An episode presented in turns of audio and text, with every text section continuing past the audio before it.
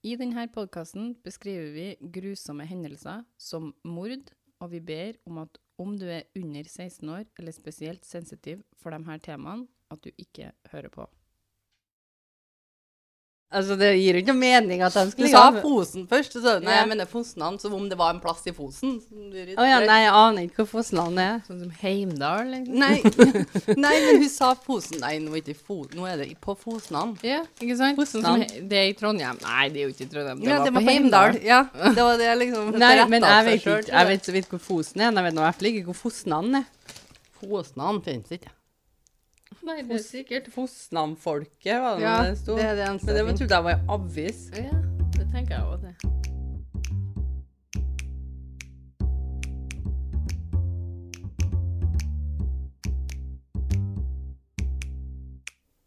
Hei, hei, alle sammen. Nå er det på tide med en eh, liten pause. Du hører på meg, Maria, og søstrene mine, Andrea og Martine. Nei, nå sier jeg navnene deres. Hei. Hei. Hei. Det går helt fint, Maria. Ja. Uh, har dere noe interessant å fortelle denne uka her, da, jenter? Det er nesten så jeg ikke gidder å spørre dere engang. Nei, jeg har på jobb. Ja. Nothing. Nei, eh, 2020 Nå er vi jo covid eh, blitt uh, upped again, da, så Det har tatt av igjen. Så det er ikke noe vits å spørre oss om hva vi har gjort. Nei, det er sant. Vi gjør jo ikke så mye. Så god stemning. Ja, Veldig. Dårlig stemning, vil jeg si, men Men som sjefen min sier, Maria, Monica på jobben min, hun sier dårlig stemning. Det er stemning, det òg. Men det er ikke Monica som sier det, det er broren til Monica. Ja. Godt en liten- gjort av Monica å gjenfortelle. det må jeg få si. En liten vandrehistorie der. Ja. Hørt av noen. Dårlig stemning er stemning, det òg. Jeg bruker å kjenne litt på Som broren til sjefen til uh, søstera mi sier. Ja. Kan jeg si det? Ja. Nå må jeg jo bare, bare egentlig, si Nå må jeg egentlig bare vite det, Maria. Nå så jeg sittet der i spenning her nå og venta. i stemning. I stemning. Hva er denne episoden her om? Dagens episode handler om seriemorderen The Bus Stop Killer fra London i England, som kidnapper og dreper tre jenter og forsøker å drepe ei til. Kjør på. Give me some serial killers. Er dere klare for å høre? Ja. Over tid. Amanda Jane Dowler var 13 år gammel i 2002. Hun ble av venner og familie bare kalt Millie, og var ei glad og livete jente. Den eh, 21. mars 2002, bare 13 år gammel, var Millie på tur hjem fra skolen med noen venner. Akkurat den dagen her tok Millie og vennene og hoppa av på én stopp tidligere enn de brukte. De hoppa av på Walton on Thames og dro til en kafé for å spise litt før de dro hver sin vei. Millie ringer faren sin for å si at hun er på tur hjem, klokka er sånn kvart på fire ish. Og 20 minutter etter hun ringer, så forlater jentene kafeen, og Millie går én vei, og venninna går den andre veien. Okay, det er frysninger oppover ryggen, Maria. Mm. Millie er på tur til busstoppen sin for å hoppe av en buss og dra hjem. Og ikke langt fra busstoppen uh, Walton on Thames så er det ei venninne av søstera til Millie som ser henne. Og hun er den siste som ser av Millie i livet. Ifølge Crimes og Investigation sin artikkel blir Millie kidnappa midt på lyse dagen. I ei kidnapping så dristig at politiet var nesten helt sikker på at Millie måtte vite hvem kidnapperen sin var. Hundrevis av eh, politifolk finkjemmer plassen der hun ble kidnappa fra, og det var en eh, 100 000 pund dusør for informasjon om hva som kunne ha skjedd med henne, som ble utlyst. Men de ble ikke noe klokere. Mora og faren til Emilie har en eh, pressekonferanse for å prøve å få Emilie til å komme hjem i det tilfellet at hun bare hadde rømt den dagen hun forsvant. Så de har en sånn pressekonferanse der de snakker direkte til hun og sier hun, hvis du er ute der liksom og har stukket av, så vær så snill å komme hjem. Men seks måneder etter hun forsvant, så ble Emilie funnet, nesten fem mil fra der hun ble kidnappa. Tror hun ble funnet av en familie som plukker sopp, eller noe sånt. Okay. Han som utfører den rettsmedisinske undersøkelsen, hadde bare skjelettet til Millie å undersøke, men han sier i dokumentarserien 'Making a Monster' at det ikke var noe tegn på at det var brukt noe mye vold på Millie. Spesielt peker han på at hodet var intakt, uten noe større skader på det. Men han hadde bare skjelettet igjen etter seks måneder.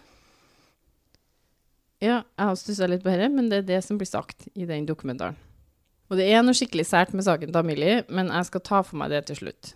Eh, saken til Millie forblir uløst i nesten ti år, og det drapet her blir ikke knytta til de andre ofrene før noen år seinere. Noen år senere, altså etter ti år, da. Nei, altså Saken hennes blir uh, uløst i nesten ti år, men når de begynner å løse de andre jentene som jeg skal fortelle dere om sine saker, så blir ikke hennes sak knytta opp til dem med en gang, Nei, men før noen år etter der igjen. etter ti år igjen. Til sammen så okay. blir den uløst i, I ti nesten ti år. OK. Ja. I februar i 2003, altså Millie forsvant i mars i 2002, så er det nesten et år etterpå, så blir ei jente angrepet på vei hjem en kveld. Marsha McDonald var ifølge The Sun-artikkelen jeg leste, forklart som en stille og hardtarbeidende student som spilte nettball og var en talentfull fiolinist. Marsha hadde planer om å dra til Australia før hun skulle begynne på universitetet et år etterpå. Bare 19 år blir hun angrepet etter å ha gått av bussen og er på vei hjem. Hun går av buss 111 etter å ha vært på kino med noen venner. Så blir hun angrepet og slått i hodet med en hammer. OK, Oi, vet du hva, nå shit. eh, sliter jeg. Etter angrepet blir hun etterlatt til å dø. Hun blir funnet i gata av en nabo bare meter fra hjemmet sitt, mens hun blør voldsomt fra hodeskaden hun har blitt pådratt. Men Så han jeg, jeg, drar bare og slår dem i hjel? jeg skjønner ikke motivet hans med det. Hun dør på sykehuset to dager etterpå. Hun har fått eh, mange slag i hodet og blødd fra hjernen etter angrepet, og hun overlever ikke. Politiet begynner å se et mønster når de finner ut at tre andre angrep på jenter har også skjedd, hvor jentene har enten kommet seg unna eller overlevd det, og alle er liksom i nesten samme område. Den 28. mai i 2004, da, så et år etterpå igjen, Mm. blir ei jente til angrepet. Hun heter Kate Seedy, 18 år gammel. Hun var ute og feira siste skoledag før sommeren. Uh, hun var head girl, som er liksom en tittel du får i England når du på en måte er veldig flink. Og, Best i klassen-type greier. og hun hadde holdt tale på festen som hun hadde organisert for resten av klassen sin den kvelden her. Kan noen få oss tatt han her? Skoledagene var ferdig, og de hadde bare A-level-eksamen igjen å lese det. Kate hadde planer om å begynne på universitetet, hun òg, men etter festen dro Kate og vennene hennes på en pub i Twickenham, for så å dra på en karaokerunde på en pub til. Når kvelden var over, så tok Kate buss H22 tilbake til hjemmet sitt i Islesworth. Ifølge en artikkel på The Express så merka Kate, når hun gikk av bussen, at det sto en hvit, stor bil parkert på sida av veien. Så denne hvite, store bilen blir kalt en MVP. Det er en uh, multipurpose vehicle, som de kaller det i England. Altså det er en stor bil som har bedre plass enn vanlige biler, litt mer bagasjeplass og gjerne flere seter. Så det er en litt sånn større bil. Ikke en van, OK. men en sånn Sånn altså. Litt sånn stor familiebil, liksom. Ja. Dokumentarserien 'Making a Monster' forklarer hendelsen som at han som satt inni den bilen her, drev og snakka med henne og kjørte etter henne. Mens mange andre artikler jeg leste, sto det bare at bilen sto parkert, og at lysene var av, men at motoren gikk. Så jeg vet ikke helt hva som er rett her. Ok, Men det er supersuspekt i så fall. Ja, og Kate får derfor en litt sånn rar følelse av denne bilen, og hun bestemmer seg for å gå over veien, for hun har lyst til å unngå å Mm. Ja. gå ved siden av den, eller gå forbi den. Gjør jeg helt rett i. Men idet hun går ut i veien, så kjører denne bilen rett på henne. Og så han bare starter å kjøre, og kjører rett ned henne. Så hun blir kjørt over, og så rygger han over henne, Hva i svarte er det som Hva foregår? før føreren av bilen kjører bort og etterlater Kate til å dø i gata. Hva jeg, jeg Altså, skjønner jeg ikke skjønner ikke motivet til han karen her. Hva er det? jo- Er, er det liksom Det er Bare for å gjøre mest mulig skade, liksom? på jenter i samme alder? Alle jentene her er blonde, unge, pene jenter. Så hvis man ser på bilder av dem, så ser man at de har en del likheter, da. Mm. Ja, men jeg forstår jo fortsatt ikke helt hvordan han finner ofrene sine. da. Sitter han der og venter til noen er blond, kommer ut av bussen, liksom? Kate, i sjokk, prøver å reise seg. Men hun ender opp med å bare dette sammen på gata igjen. Og ifølge artikkelen i My London News, så er det hun sjøl som ringer etter en ambulanse. Hun får tak i mobilen sin på et vis, Og så forklarer hun til den operatøren som tar telefonen, at noen har liksom kjørt over meg. Men så kjørte de over meg igjen, og jeg er veldig, veldig skada. Vær så snill å komme og hjelpe meg. Etter hun hadde ringt ambulansen, så ringer mammaen sin til mammaen og pappaen din, så er hjem til dem. Og de springer ut, for det er nok en gang bare noen meter unna huset. Det er jo bare å gjøre det bare, nesten bare mer grusomt. Foreldrene finner Kate på gata med tingene spredd rundt seg. Og Kate har så store smerter at hun er sikker på at hun skal dø, så hun sier 'I love you, daddy. I love you, mommy'. Og bare liksom 'Nå er jeg ferdig. Jeg har så vondt'. Ambulansen den kommer og tar henne med seg. Og det er først når de tar røntgen av at de forstår hvor mye smerter hun egentlig er i. OK, det er så jævlig. Hun har et brukket kragebein, mange brukne ribbein. Levra hennes var delt i to. Herregud. Hvordan har jeg overlevd? Nedre del av ryggen var revet opp, og Kate hadde klart å fortsette å puste, selv om ene lungen var kollapsa og andre var punktert. Hvordan har jeg Det er jo et mirakel. har til og med klart å ringe. Og ring Og reise. Hun prøvde å reise seg opp. mm, Hun ringt ambulansen og snakka i telefon. Hun Ja, hun har jo prata, liksom. Men Kate hun overlever faktisk. Oi. Hun forteller i et intervju med The Telegraph at det ikke var for den tredje uka på sykehuset at det slo at faktisk, noen hadde faktisk prøvd å drepe henne. Og hun skreik i timer i strekk når det virkelig sank inn til at det, dette var, Et mordforsøk. Eller det var et mordforsøk på meg, liksom. Ja, det er jo ikke et uhell, liksom. Når du rygger på dem, da er det Da mener du alvor, liksom. mm. Da har du én plan. Bare måneder etter angrepet på Kate, så blir ei jente til angrepet i august i 2004. Emily Delagrange, ei jente på 22 år. Emily var fra Frankrike og var bare på ferie i England når hun blir drept. Hun hadde vært ute og festa med vennene sine og blitt drept på vei hjem når hun går av bussen ved Twickerham Green. Hun hadde mista busstoppen sin først, så hun går av en stopp for seint og må gå tilbake til der hun skal. Okay. Hun blir slått i hodet med en hammer, Det er samme som hun andre. og hun dør ikke mange timer etterpå på sykehuset. Ok, det her er syke, syke greier. Det tar ikke politiet lang tid å koble det her drapet til drapet på Amasha. Når drapsmannen flykter fra plassen etter å ha drept Amelie, så stjeler han med seg håndveska hennes, hvor mobilen hennes er. Og telefonselskapet forklarer til politiet, ifølge Five Mistakes That Caught a Killer, som er en sånn dokumentarserie, at telefonen var sist synlig når den var på da, i Walton on Thames-området. De sier videre at telefonen ikke var blitt slått av. Den må enten ha blitt kasta i vann, noen må ha revet ut batteriet, eller batteriet må ha blitt flatt. Politiet ender opp med å søke i elva ved Walton on Thames og finne mobilen til Amelie. Så den er fysisk kasta på sjøen, liksom. Etterforskninga er prega av at de ikke har noen vitner, ingen DNA eller annet bevis som kan hjelpe dem. Det de har, er ca. 2500 timer med materiale fra overvåkningskameraene i områdene rundt og på åstedene. London er en av verdens mest overvåka byer, og det viste seg at gjerningsmannen kanskje ikke hadde tenkt så nøye på det. Og de visste, etter de fant telefonen til Amelie, hvor han hadde dratt etter det drapet. De måtte bare finne ut hvilken rute han hadde tatt for å komme dit, for det visste de jo ikke. De må se gjennom alt dette materialet for å prøve å finne noen ledetråder som kan hjelpe dem. De begynte å få det travelt, for gjerningsmannen drept med mindre og mindre mellomrom mellom ofrene sine. Så noen må få han her av gatene, liksom. En fyr finner noe som nesten er umulig å finne ut av så mye film og så mye biler som det er i London. da. Men han ser at det står en hvit van parkert akkurat der Amelie går over veien. Og han ser den samme bilen ved bussen når hun sitter på den, på overvåkningskameraene. Å ja, så den her er fulgt etter, den. Ja.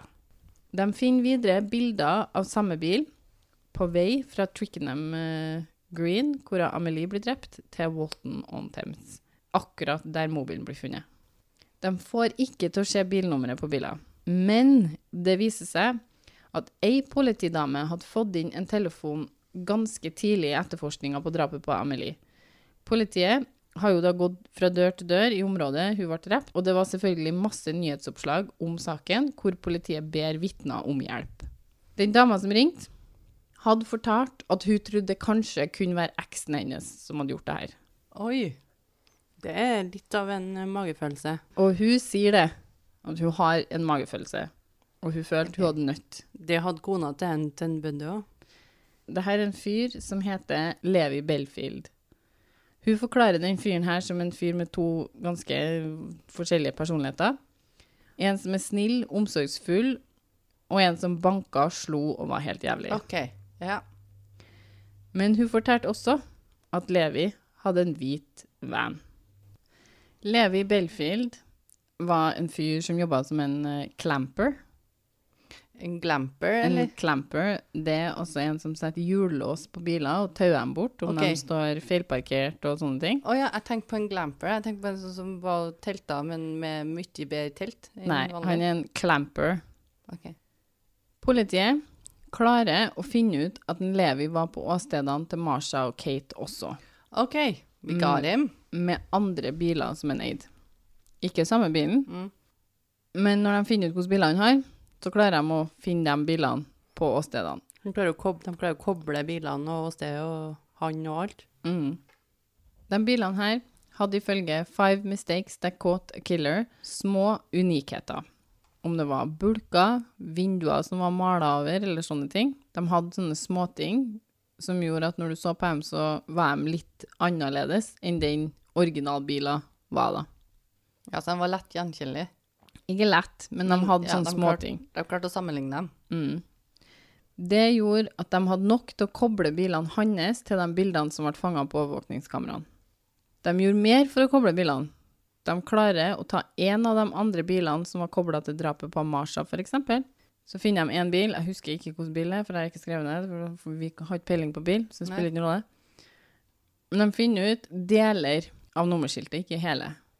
Men når de finner ut deler av det nummerskiltet her, så finner de ut at det er bare 178 biler som kunne ha hatt det nummerskiltet og sett sånn ut.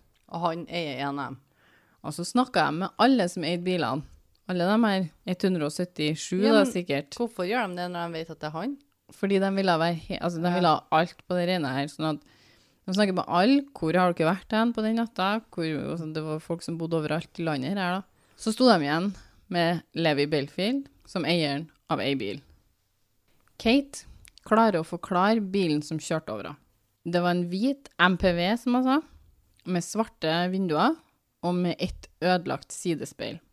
Og politiet finner en rapport på at en Levi hadde blitt stoppa av politiet i trafikken, og da kjørte han en MPV-bil med svarte vinduer og et ødelagt sidespeil. Det er sykt alt politiet finner. Men det sto ikke noe farge. Så de gikk inn på bilnummeret som sto i rapporten, og fant ut fargen på MPV-en til Levi, og den var hvit. Good uh, police work. Den vanen som han har, den har han mala over eh, vinduene på. Bak, altså de, han har mala vinduene liksom. hvit. Oh, ja. Det er en hvit van, det òg, sånn at han har mala liksom bakvinduene helt hvit. Og så var det noe sølvskilt og noe greier på den. Det var noen sånne småting som ikke var, var der originalt. Og den bilen på overvåkningskameraene, den har hvite mala over bakruta, Det kan jo ikke være mange biler som har. og noe sånn sølvskilt nederst. Og så når de finner ut hvilken bil han har, så har, ser jo den bilen akkurat likedan ut. Og den hvite MPV-en han har, den har han solgt. Men de klarer å finne ut hvem de har solgt den til. Og når de finner den, så ser de at det sidespeilet er fortsatt ødelagt, så den ser akkurat identisk ut som det hun, Kate, har forklart den som. Grundig politiarbeid. Ja, men det er bra det, for da er det ikke noe tvil når de går til rett. Jo, men jeg, jeg blir jo stressa. Jeg er klar for å drepe igjen. Hvis de styrer bilene. De har ikke tatt den i varetekt engang, liksom. De får en arrestordre for å ta Levi inn den 22. november i eh, 2004, under mistanke om at han er den som har drept Amelie. Han var 36 år gammel på det tidspunktet her, og når de undersøker huset hans, så finner de ut at han gjemmer seg på loftet. Og den 25. november blir han tiltalt for tre voldtekter i Surrey og Vest-London òg. Og i desember tar de ut tiltale om overgrep på ei dame i Twickenham mellom 1995 og 1997. Så om det er en ekskjæreste eller et eller annet, det jeg vet ikke jeg. Han her har nå vært litt rundt omkring, han da. Ja. Og ifølge en artikkel på The Daily Mail, som intervjuer en av dem som intervjua han, Levi, da, så prøver han å frame en av sine kollegaer for overgrepene på den jenta i Twickenham. Han påstår at kollegaene hans bare plutselig snappa og, og, og liksom overfalt ei jente, og at han var liksom helt uh, Han snakker veldig mye. Ja, han er veldig sånn Altså, han bare tolker han der. hva faen var det som skjedde nå, liksom? Han er, han er liksom, jeg, vet, jeg var helt i sjokk, jeg visste ikke hva jeg skulle gjøre. Han forteller egentlig hvor uskyldig han egentlig er, da. Ja, og politiet tror jo ikke noe på det her. Men Levi prater jo da masse i denne delen.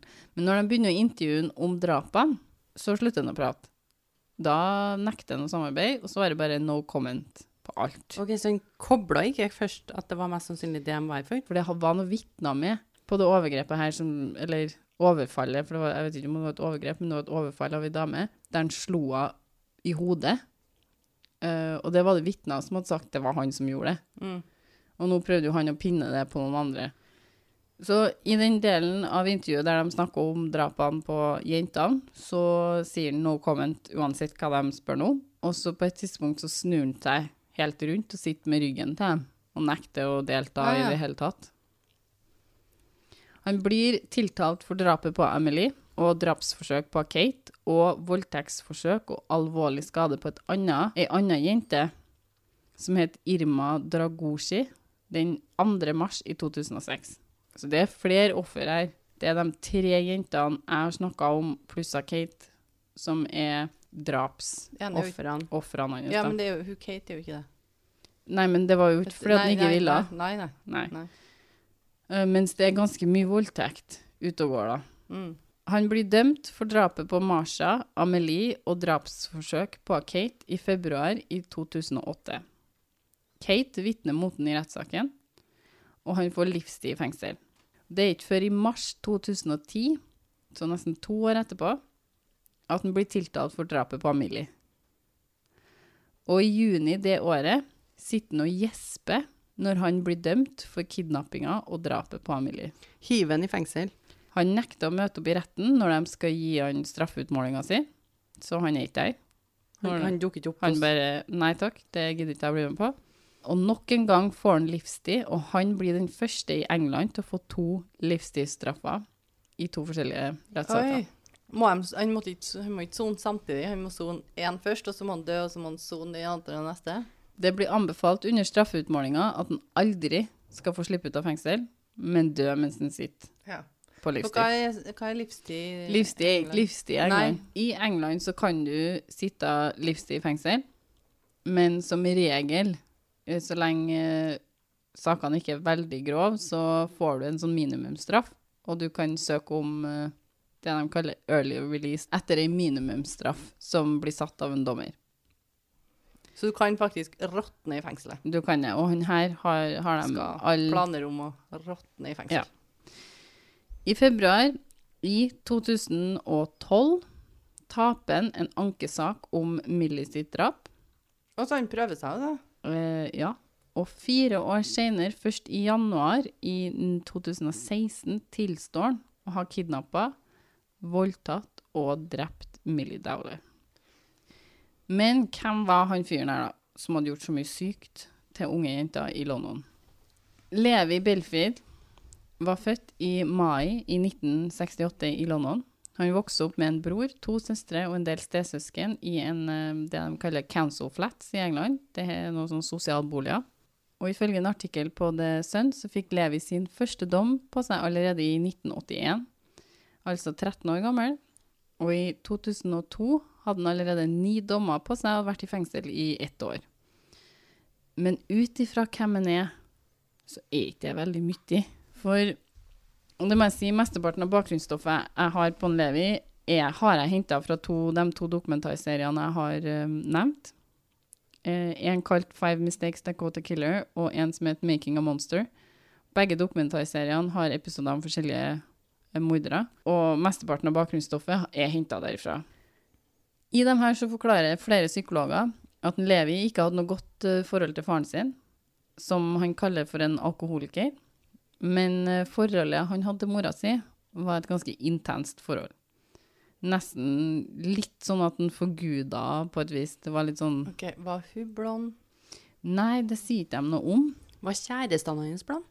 Eh, nei, det sier de heller ingenting om. Men noen av dem. For det har skjedd noe intervju av i hvert fall én av dem var blond.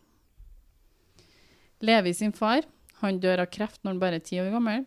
Og det her eh, intensifiserer da, forholdet hans til mora si. Psykologene peker på en hendelse som skjer når Levi er rundt 13 år. De eh, sier da at han ble eh, venn med ei jente som het eh, Patsy Morris, som var ett år eldre enn en Levi på det tidspunktet her. Patsy var blond, eldre, og på det viset kanskje også litt sånn overlegen, litt sånn mer litt over den på rangstigen på et vis. Etter de her to hadde blitt venner, så blir en Levi avvist av henne når han prøver seg. Jeg vet ikke noen detaljer rundt det her. Det her er noe psykologene i dokumentaren jeg så forklarer, da.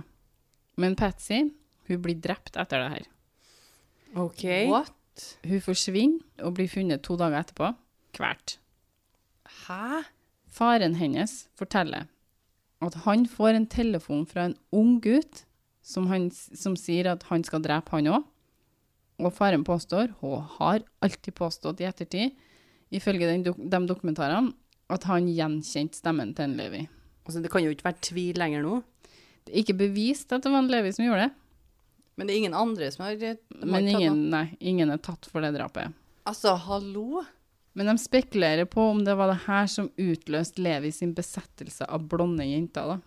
I tidlig 20-årene transformerer han seg. Eller han har begynt på det ganske fort, for han, han føler jo seg uh, bedre enn alle andre. Men han er en ganske tynn, liten gutt, og han tenker det her må jeg gjøre noe med. Mitt ytre er nødt til å gjenspeile mitt indre. Så han begynner på anabole steorider og blir en stor mann. 182 cm, som ikke er sånn kjempehøyt, men han blir 127 kilo. 127 kilo. Jeg kan ikke se det for meg engang. Så da er du røslig. Ja. Ja, og uansett det alene vil jo aldri lage en morder, liksom. Nei, absolutt ikke. Men det hjalp sikkert ikke han her, da. Nei. Han hadde jo en grue løs fra før av. Denne transformasjonen hans da, den funka jo da tydeligvis for en Levi. Han får hele elleve barn med fem forskjellige damer. Elleve barn? elleve unger? Med fem forskjellige damer, da. Hæ? Elleve unger? Hvordan er det mulig at han her i hele tatt har fått Ja, ja, vet du ikke hvordan han klarer å oppføre seg. Nei, Uh, flere ekskjærester av en Levi maler et bilde av en kontrollerende og mishandlende fyr. Eh, han bruker kort tid på å gå fra sjarmerende og opptenksom, for han oppleves som det først, til å bli så ille at de var livredde for han. To episoder blir trukket fram i Making a Monster, og det er at han tar mobilen fra en av sine daværende kjærester da, og gir henne tilbake en mobil som bare har hans navn og nummer i. Og så sier han det, er det, det her er det eneste du trenger. Du trenger ikke noen flere nummer. Og ja, han er litt kontrollerende. Bitte litt kontrollerende, han der. Litt tror jeg er en understatement. Han har ett mål i livet, og det er å kontrollere kvinnfolk. Og en annen episode der en av kjærestene hans, om det er samme eller ikke, det vet ikke jeg, eh, der en av kjærestene hans måtte sitte på en krakk ei hel natt fordi han sa hun skulle mens han gikk og la seg, da, selvfølgelig. Hun var livredd, og hun var så redd at selv om han måtte på do den kvelden, så ble hun sittende på krakken, og hun gjorde ut seg der istedenfor å flytte seg. OK, det sier jo hvor redd da, da. Ja. Det sier jo hvor, hvor heslig og skummel han her kan være, da. Hvorfor, liksom? Her skal Det- du sitte. Bare sånn maktopplegg, vet du. Ja, bare Bare fordi at han kan. Han jobber jo på det tidspunktet når drapene skjer, som en som kjører rundt med sånn hjullås på biler. Men han gjør jo dette òg litt sånn ulovlig, altså han, han drar jo inn biler som står riktig parkert og sånn òg. og en gang gjorde han det til en pensjonist, en sånn ganske gammel mann som han klemper hjulet på. Og så er han meget stolt over hvor mye han ikke brydde seg om hva det her ville si for den gamle mannen. Han forteller det videre, liksom, hvor Ja, jeg bare er- couldn't care less. Han er stolt over at han ikke klarte å vise noe empati overfor den mannen. Han brydde ikke seg. Han bare 'Hvor kul er ikke jeg?' Ja, og det er en ting han bruker. Så han forteller det videre for å si Dere vil ikke tro hva jeg akkurat gjorde. Jeg sto der og liksom var Kunne, kunne jeg ikke ha brydd meg mindre, liksom. Så han, han har en forventning om at folk skal være imponert over den oppførselen. Men det skaper en form for respekt, som ikke nødvendigvis er en god respekt, men det er sånn her Holy shit. Ja, du kødder ikke med han der er- Levi, liksom. Nei, sant? Det, og det, det gir noe, tror jeg. Så han skal ikke bare kontrollere kvinnfolk. Han har en- alt han kan kontrollere, er bra, liksom. Han har et maktbehov. Men før han jobba som sånn clamper, så jobba han som dørvakt. Det var jo sikkert fint for han, som hadde mm, tilgang til både jenter og alt. Og i- makt. Og makt. En gang doper han ei jente med Ryopnol, blir det sagt. Når telefonen hennes ringer, så svarer han den og forklarer i detalj til mora hennes hva han har gjort med henne. Hæ? Jeg, jeg, forstår ikke den mannen. her. har han, Hvorfor er det ingen som har uh, anmeldt den? det er det jeg sier. Når jeg sier at den har ni Mm. dommer på seg, Ja. så det er lite i forhold til Hvor hvem han fyren her egentlig er. Denne atferden da, viser han også til sin uh, da, daværende kjæreste. Når han doper ned den jenta her, så har han en kjæreste.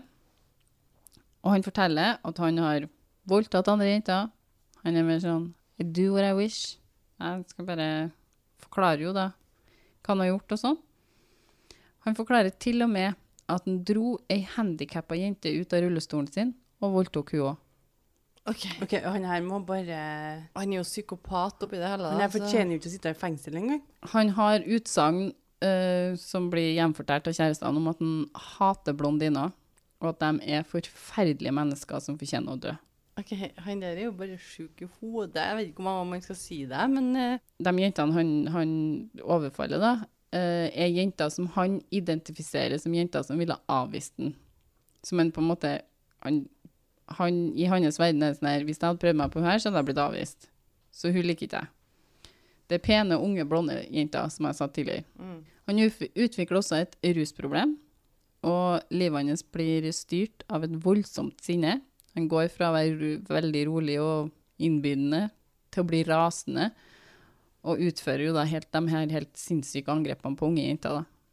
Det er heller ikke så rart at han bruker bilen sin i et av drapene, for han har en voldsom besettelse av biler.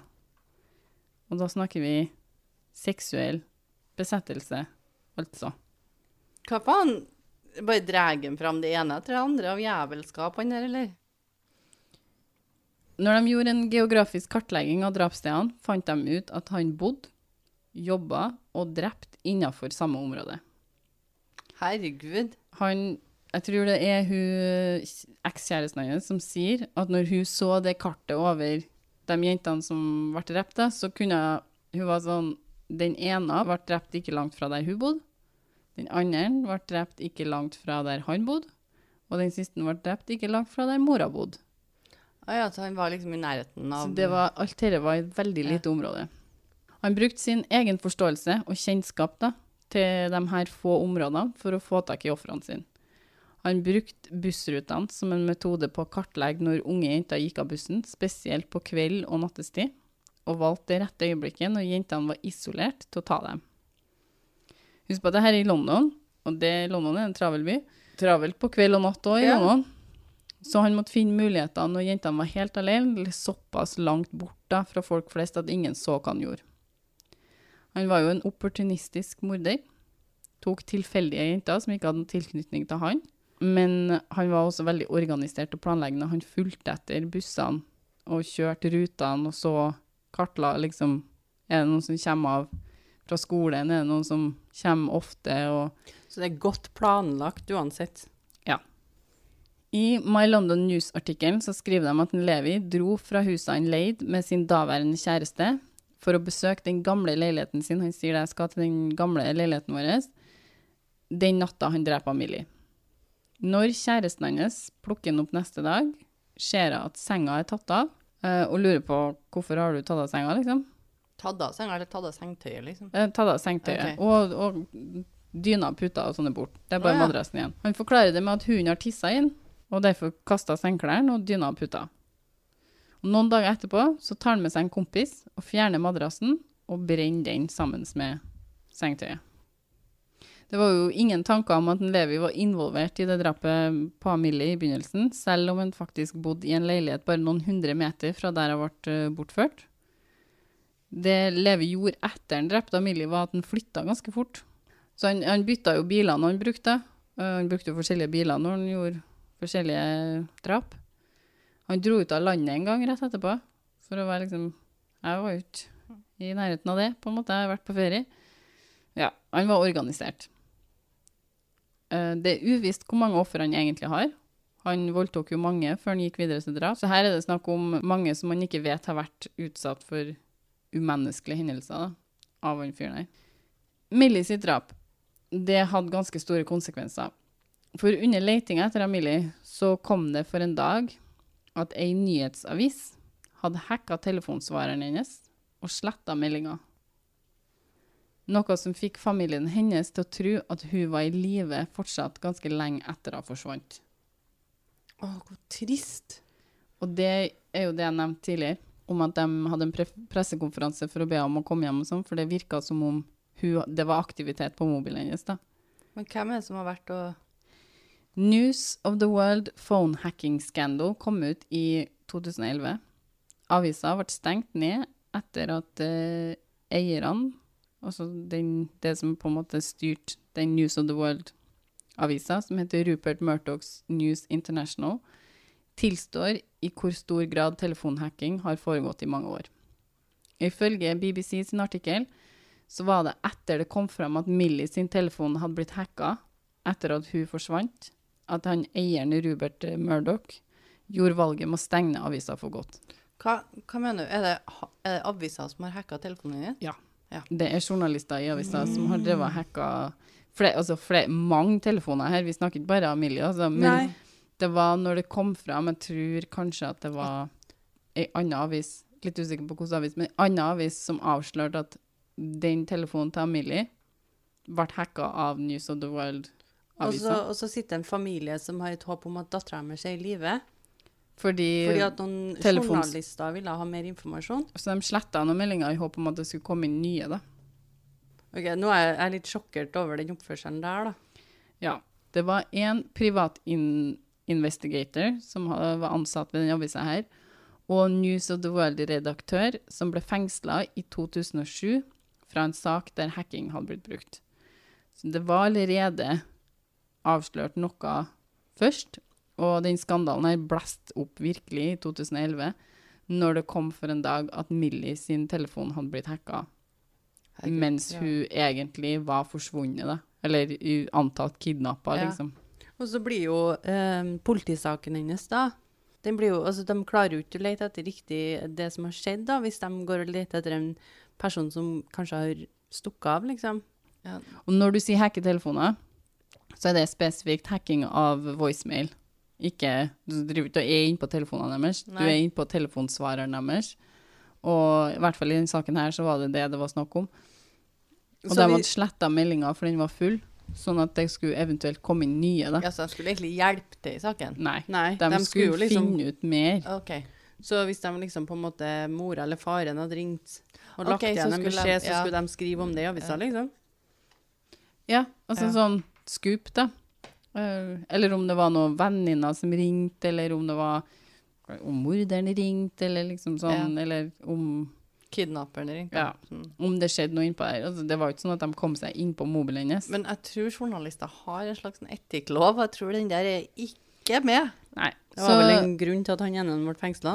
drapet på Millie, Millie Dowler er jo kjent for noe mer enn bare å være et offer av en Levi Belfield. Ja, det er også et offer for journalistikk. Et offer for journalistikk. Jo, et offer Dårlig for eh, journalistikk. uetisk journalistikk. Ja, absolutt. Det var alt jeg hadde om uh, The Bust Up Killer. Mm. Men jeg er òg ganske fornøyd med at den bare heter The Bust Up Killer, da, for det er ikke et veldig fancy navn. Nei. Har- Den er kjip. Det er mange som har fancy navn her. Ja. Det er mange som har Ja. The Yosemite Killer Ja. og The Golden State uh, kill, Hva heter den? Killer eller murder? The Golden State Killer, tror jeg. Killer. Altså, BTK. bare, bare, uh, wood, bare cabin murder har vært bedre, liksom. Ja. Men han er bust up killer. Ja, han er en bus stop killer. Så det, jeg er litt fornøyd med at han heter noe litt sånn For ridiculous. det er jo litt typisk at avisene gir dem sånn super creepy navn. Eh, da gjenstår det bare å si på gjensyn. Det var alt for denne gang. det var det. Tune inn på søndag. Da blir det en eh, vandrehistorie.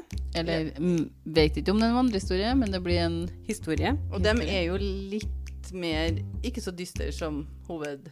Det er gode avbrekk fra Ja. de her litt tyngre episodene. Så eh, hør da, for å høre om vi finner, hva vi finner ut av. Følg oss gjerne på Instagram. En liten pause.